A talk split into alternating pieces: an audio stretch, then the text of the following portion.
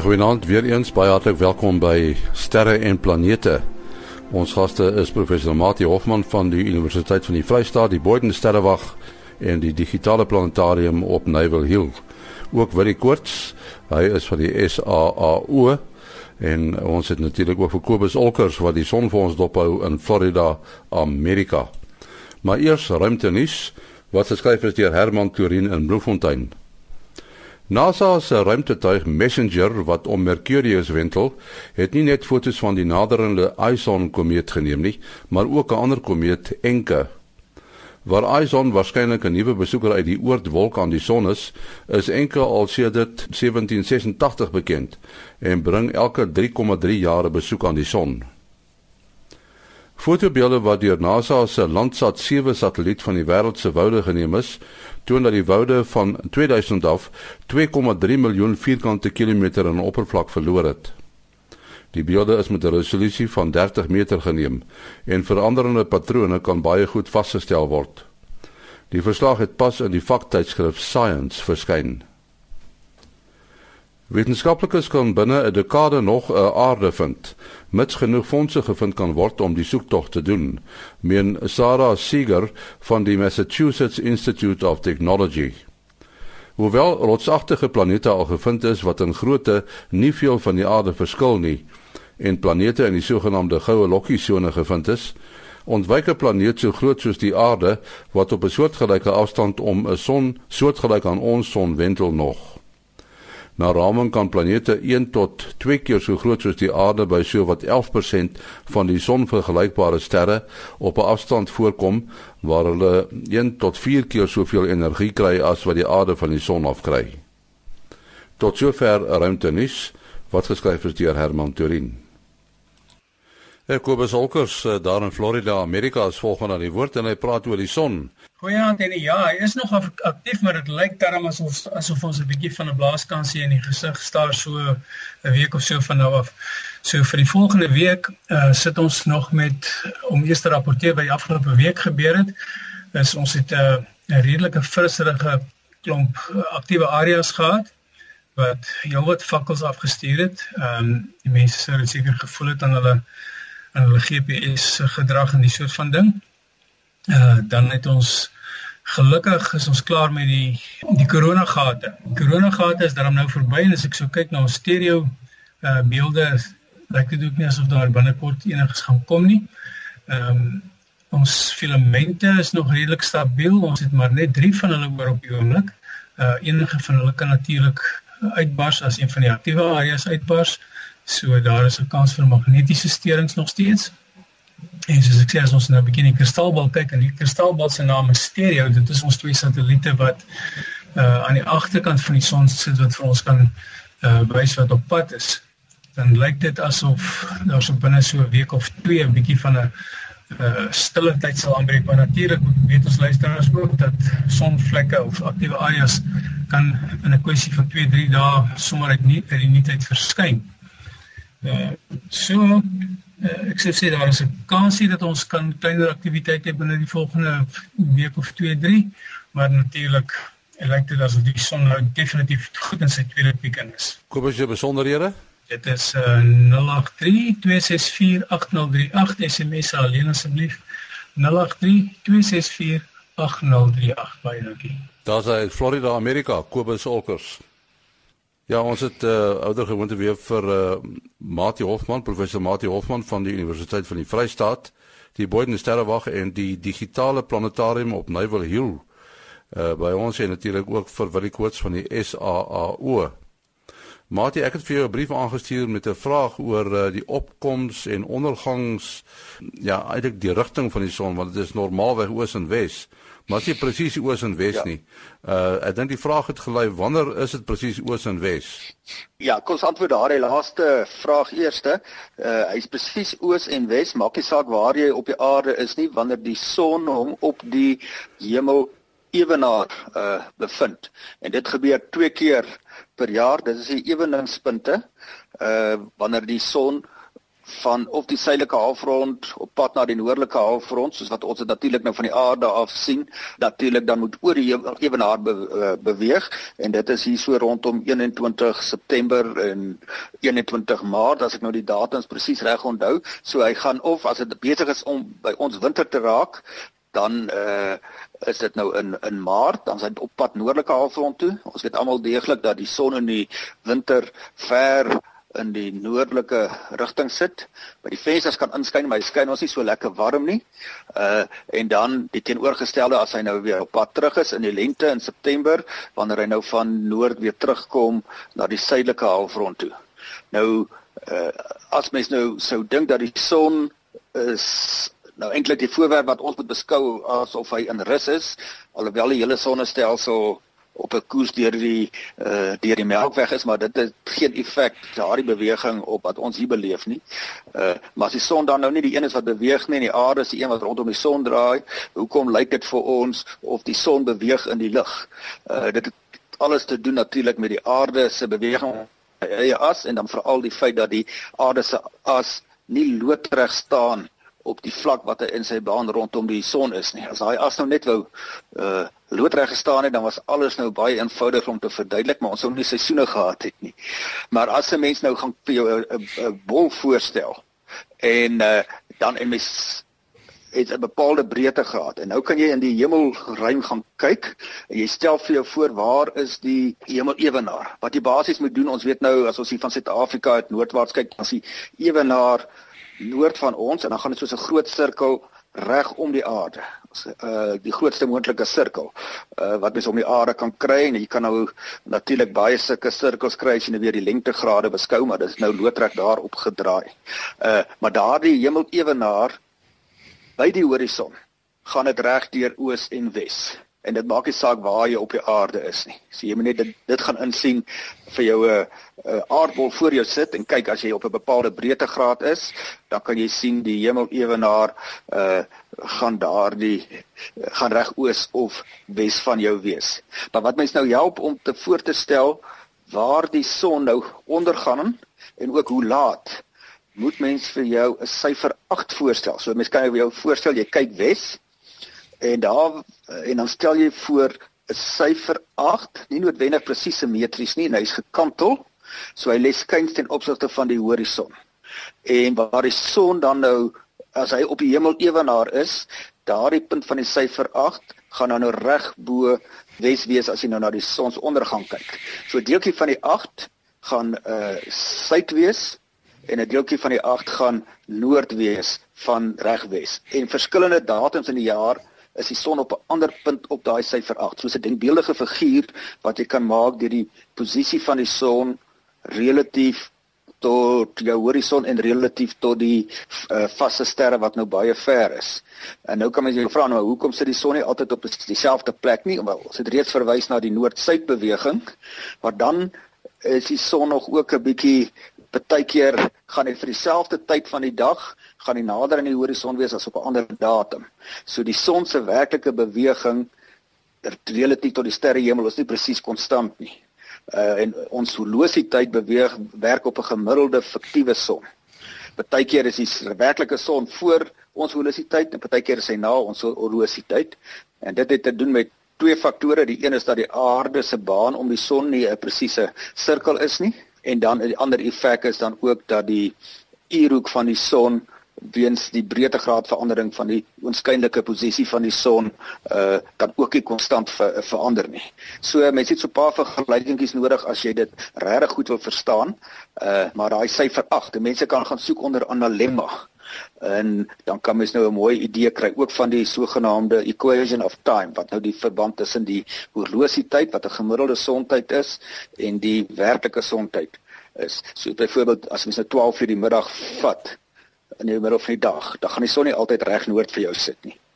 Uh en dit uh, selfs nie al sit jy op die presies regte breedtegraad wat vir ons tydsone uh en dit is 30 grade nê vir 2 ure voor Greenwich staan. Selfs nie al sit jy reg op daardie lengtegraad, uh gaan die son nie noodwendig 12 uur reg noord van jou wees nie. Ja, ek moet uh, miskien net noem dis interessant uh um, een van die internetwebwerwe waar ek uh, gereeld aandoen is die sogenaamde iPod Astronomy Picture of the Day. Mense kan hom net so Google um en en die so die afkorting is dan iPod en um omtrent so 'n maand terug was daar 'n uh, baie interessante foto wat 'n uh, persoon dit lyk asof dit ergens op 'n plein in in Europa want jy sien die geboue reg in die ronde am, amper 'n visooglens waar jy nou die hele horison kan sien. En wat die persoon gedoen het en ek weet nie presies hoe hy dit gedoen het nie of sy dit gedoen het nie want die kamera moes presies elke slag op dieselfde presies uh, dieselfde plek gemonteer geword het. Jy kan nie die kamera daar los nie want dan gaan hy gesteel word seker in Suid-Afrika maar uh, uh, daar sou ook neem ek aan. En die ander ding is natuurlik dis nie elke dag oopgetrek nie. En die persoon het toe um, reg deur die jaar fotos geneem elke slag wanneer die son op sy hoogste punt in die dag is. Uh so dit gaan by ons in die Kaap gaan dit so by kwart voor 1 se kant wees en uh uh soos soos Martin nou gesê het uh afhangende van hoe ver jy presies van die tydsone af is. Um plekke soos Durban en Ermelo lê baie baie na aan hierdie 30 grade lyn. So daar gaan die son presies 12 uur oor jou. Maar wat hy dan gedoen het is dan elke oop dag natuurlik 'n foto geneem het op presies dieselfde tyd uh wanneer die son dan oor die meridiaan beweeg en uh, en dan kry jy hierdie syfer 8 en hierdie sogenaamde analemma en uh, dit is interessant uh, ons is nou uh, besig om 'n 'n sonwyser 'n uh, sogenaamde analemma sonwyser te bou wat ons uh, in Sutherland wil opsit en hierso in die Kaap. En dan het jy hierdie selfe figuur 8 op die grond. Uh en dan jy gaan staan dan op die regte datum uh want dit op verskillende datums gaan die son dan op 'n ander plek op hierdie analemma wees. En dan val jou skade weer gee dan vir jou die tyd aan. So is 'n interes, interessante klompie inligting wat hier bymekaar kom en dan soos Maadie gesê het, die snaakse syfer 8, hoekom hy nie simmetries is nie, is dan natuurlik die een rede omdat die son die aarde se as gekantel is, maar ook omdat die pad om die son van die aarde nie presies 'n sirkelvorm is nie, maar maar meer in die lips. Miskien kan uh, wil jy kan jy op die uh, Facebook uh, uh, RSG sterre en planete webwerf uh, een of ander grafiese aanduiding gee. Jy weet dit sal dalk makliker wees. Ja, en ek en ek sal ook sommer skakel na na na daai uh, stormy picture of the day uh ja. blad to plus. Dit's 'n goeie idee, ja. En nee, ek sal sommer ook 'n diagram bysit want uh wat mense help om te wys as as jy 'n bepaalde voorwerp vat in die hemelruim, dit kan nou maar 'n ster wees, hy het 'n bepaal, bepaalde koördinate wat baie soortgelyk is aan ons lengte en breedtegraad. 'n Mens kan ons nou maklik insien op die oppervlak van die aarde het jy 'n lengte en 'n breedtegraad om jou posisie aan te dui. Nou as jy die aarde se opblaas tot 'n denkbeeldige baie groot hemelsfeer, dan het die lengte en breedtegrade nou saam daarmee opgeblaas en dan kan jy aan 'n ster 'n bepaalde vir sy waarskynlike posisie op hierdie hemelsfeer 'n uh, lengte en 'n breedtegraad toeken. Uh, die sterrekunde gee hulle net ander name en hulle het ander verwysingspunte. Maar as jy daardie koördinaat het, dan kan jy sien maar waar gaan daardie voorwerp ondergaan op die horison.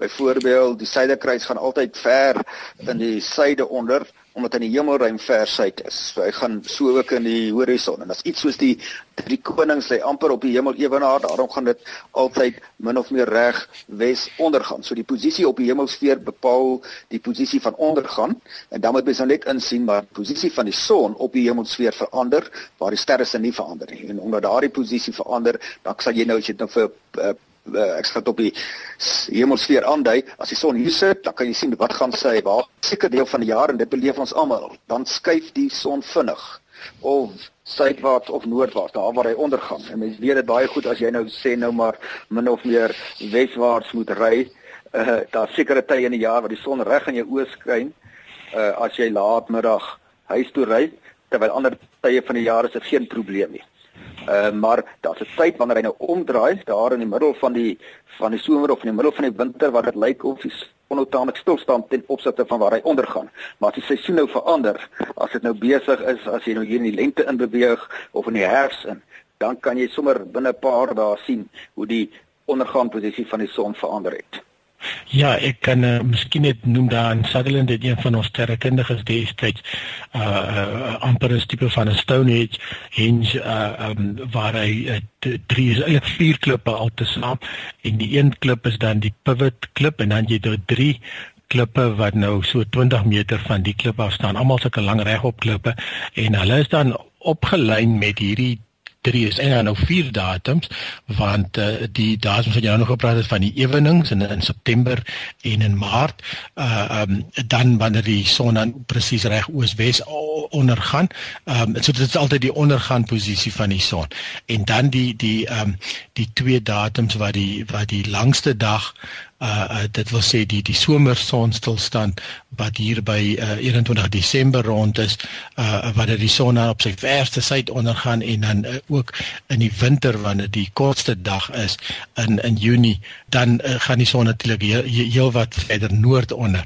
En dan is dit ongelooflik as jy dan die klippe so staan en kyk en dan besef jy eintlik 'n geweldige hoeveelheid wat die son beweeg dan die son ondergaan natuurlik beweeg op die horison en dan maak dit ook die prentjie eintlik vir jou lekker soos mense 'n lekker 'n lekker oop erf het of 'n plaasie of 'n ding en hulle het niks om te doen nie kan hulle hulle eie hulle eie Stonehenge so aan aanwend baie maklik en dan leer jy eintlik baie in die proses.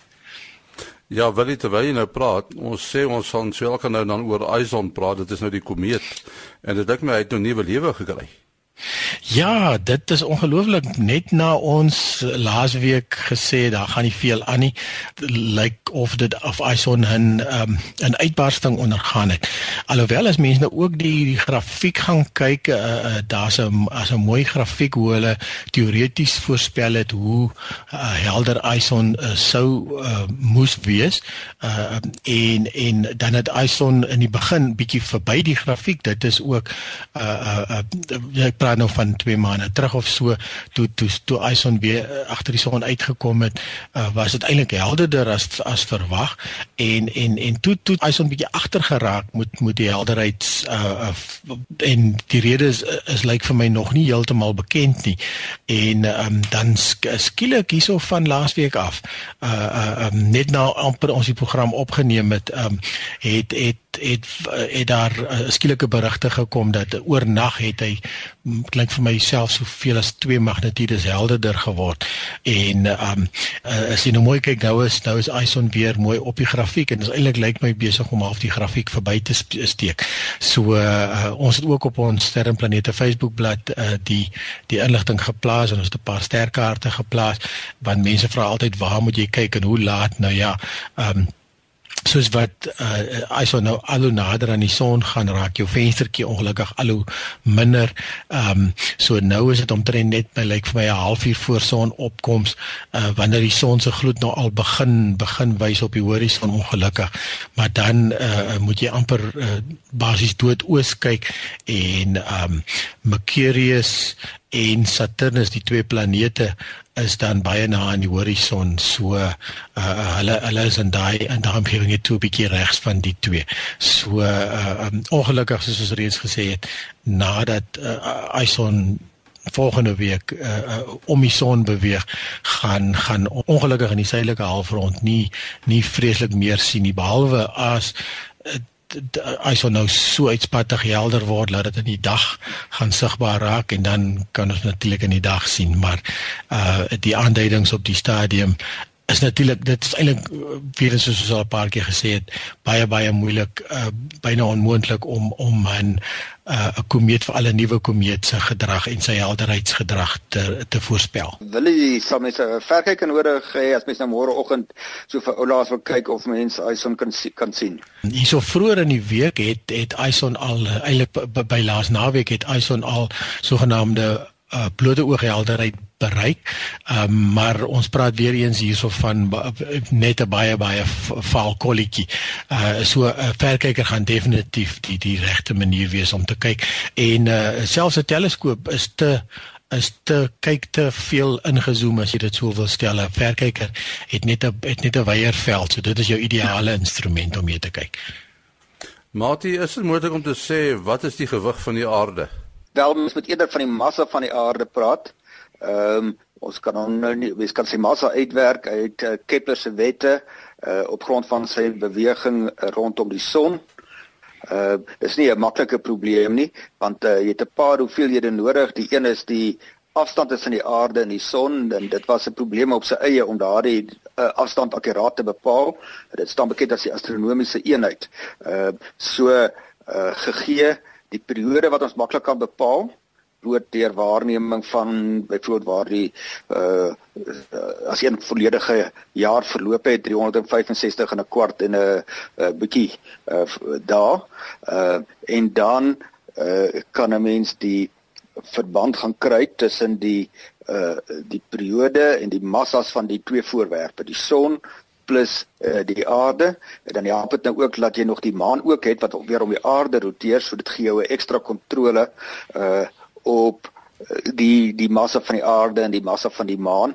Uh so dis gewoonlik nie 'n enkelvoudige ding dat jy net een stel waarnemings kan uh, kan neem nie, want jou jou eerste vergelyking is wat jy gaan neerskryf gaan 'n paar dinge hê wat jy nie ken nie. Dan moet jy hulle een na die ander elimineer deur eh, 'n uh, kombinasie van waarnemings tot jy met net een bekende en een vergelyking sit as ons nou so bietjie in wiskundige uh, taal vers uh, taal dink. Maar in elk geval die massa van die aarde is is enorm.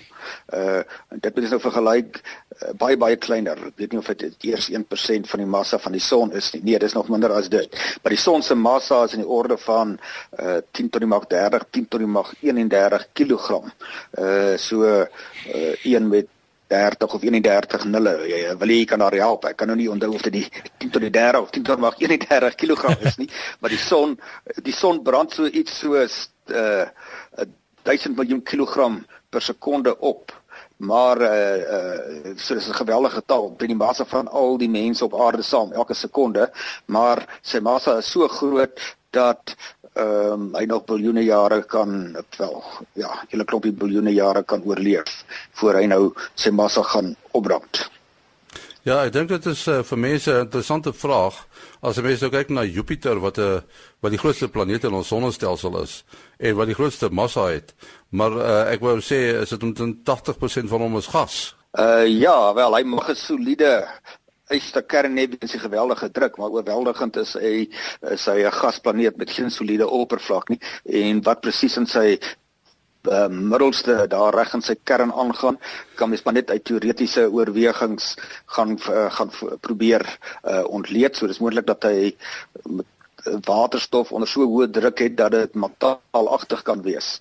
Uh, so volgens die teoretiese gedrag van waterstof sy fase diagramme van watter fase hy by watter temperatuur en druk uh, lyk dit of dit 'n moontlikheid uh, kan wees.